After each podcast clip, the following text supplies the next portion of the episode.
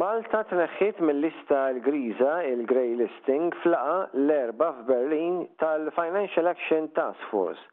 Dan il-vot tal-FATF ġie sena wara li Malta ingħatat it-tekketta bħala ġurisdizzjoni finanzjarja mhux afdata. Il-vot tal-FATF huwa wieħed sigriet u tħabbira formali dwar din id-deċiżjoni ssir biss fi tmiem il-plenarja tal-FATF li ssir il-Ġimgħa waranofsinhar. Meta Malta tpoġġiet fil-grey list kien ifisser li Malta kienet taħt iżjed skrutinju minn assessuri u korpi internazzjonali. Id-deċiżjoni li Malta titneħħa mil-lista seħħ wara erba' xhur wara li l-FATF pubblikament ħabbret li indikazzjonijiet inizjali wrew li Malta sostanzjalment wettqet ir-riformi meħtieġa u li deher li indirizzat in-nuqqasijiet identifikati. Il-Partit Nazzjonalista laqa' l-aħbar u sostna li l-reputazzjoni ta' Malta messha qatt ma ġiet imtappna b'dan il-mod minħabba deċiżjonjiet żbaljati tal-Gvern. Il-fatt li Malta tneħħiet mill-Grey List hija prova li l-Kap tal-Oppożizzjoni Bernard Grech kellu raġun u korrett meta qal li Malta tista' titneħħa mil-lista fi żmien tliet xhur wara l-elezzjoni ġenerali sostna l-Partit Nazzjonalista.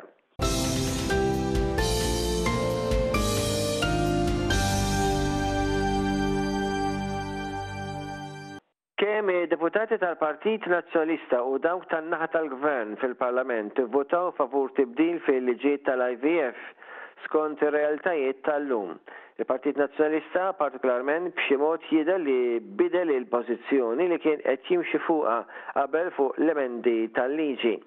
Il-Ministru tas-Saħħa Chris Fearne meta ġabar dak li ntqal fil-diskussjonijiet, li saru minn total ta' dsatax-il kelliem, sostna li hu tajjeb li tara ż-żewġ naħat tal-Kamra jaqblu fuq dawn it-tibdiliet meħtieġa.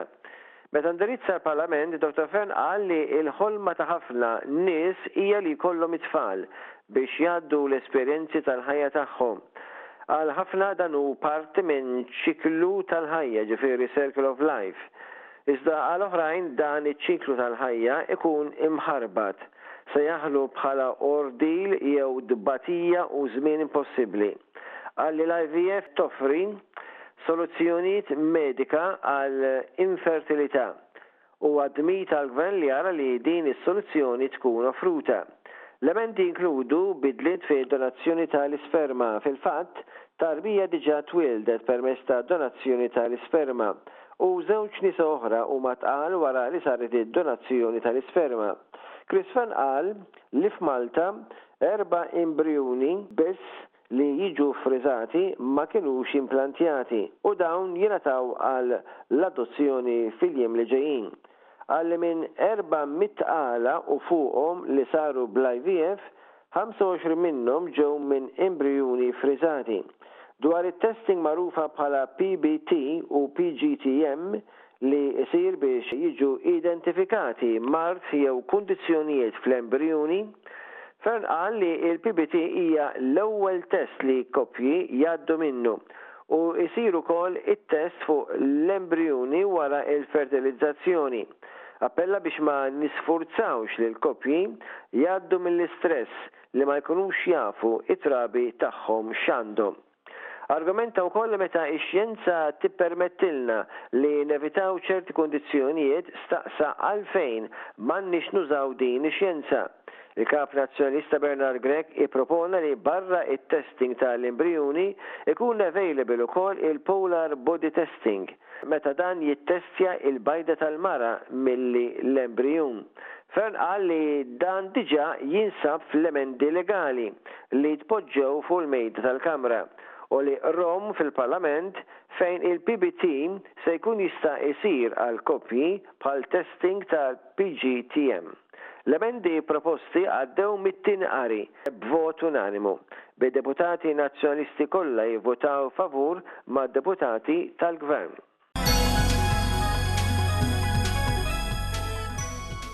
Bejn il-22 u 30 ta' dan ix-xahar, il-Prim Ministru Robert Abela se jattendi informal dinner fl-isfond tal-Summit tan-NATO fi Spanja. Kelliem għall-Ministeru tal-Affarijiet Barranin qal li għalkemm Malta mhix membru tal-NATO, Il-Prim Ministru ġie mistieden għal dan l-informal dinner bejn numru ta' mexxejja 'l barra mis-summit. In-newtralità ta' Malta hija imdaħħla fil-Kostituzzjoni ta' Malta. Il-kelliem qal li l-Gvern Malti jħoss li wieħed jitkellem ma' imsieħba internazzjonali huwa kruċjali u d-djalogu jibqa' importanti ħafna għal Malta, fl-isfond ukoll tal-kuntest li tippermetti l-Kostituzzjoni ta' Malta. Soluzzjoni ta' paċi ta' konflitti permezz tad-diplomazija jibqa' l-messaġġ ewlieni li se jitwassal. L-eks Kummissarju dwar l-Istandards, George Kizler, inħatar uffiċjalment fil-Qorti Ewropea tal-Awdituri. Kizler se jieħu post Leo Brincat. Hu jibda terminu ta' sitt snin fl-ewwel ta' Ottubru. Meta l-Qorti Ewropea ta' l-Awdituri teżamina l-infiq ta' l-Unjoni Ewropea. F'Mejju, in-nominazzjoni ta' Hyzler kienet appoġġata minn 551 vot, 45 kontra u 33 astensjoni, fis-sessjoni plenarja wara grilling mill-European Parliament's Budgetary Control Committee. Fi tmiem il-ġimgħa, attivisti tal-Moviment Graffiti marru fuq il-gżira ta' Kemmuna u neħħew deckchairs vojta minn kull rokna ta' din il-bajja sabiħa li tpoġġew hemm minkejja li ma kienx hemm nies.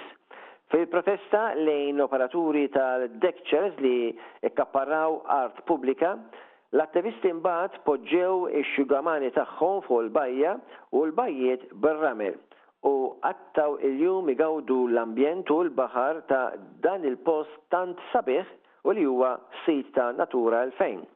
Din l-azzjoni tal-Moviment Graffiti ġabet magħha wkoll sejħiet biex il-numru ta' viżitaturi fil-bajja ikun capped Il-Ministru għat-Turiżmu Clayton Bartolo, u dieħel il-Parlament mistoqsi dwar din l-azzjoni, qal li l-affarijiet fil-Blue Lagoon diġà qed jitjiebu.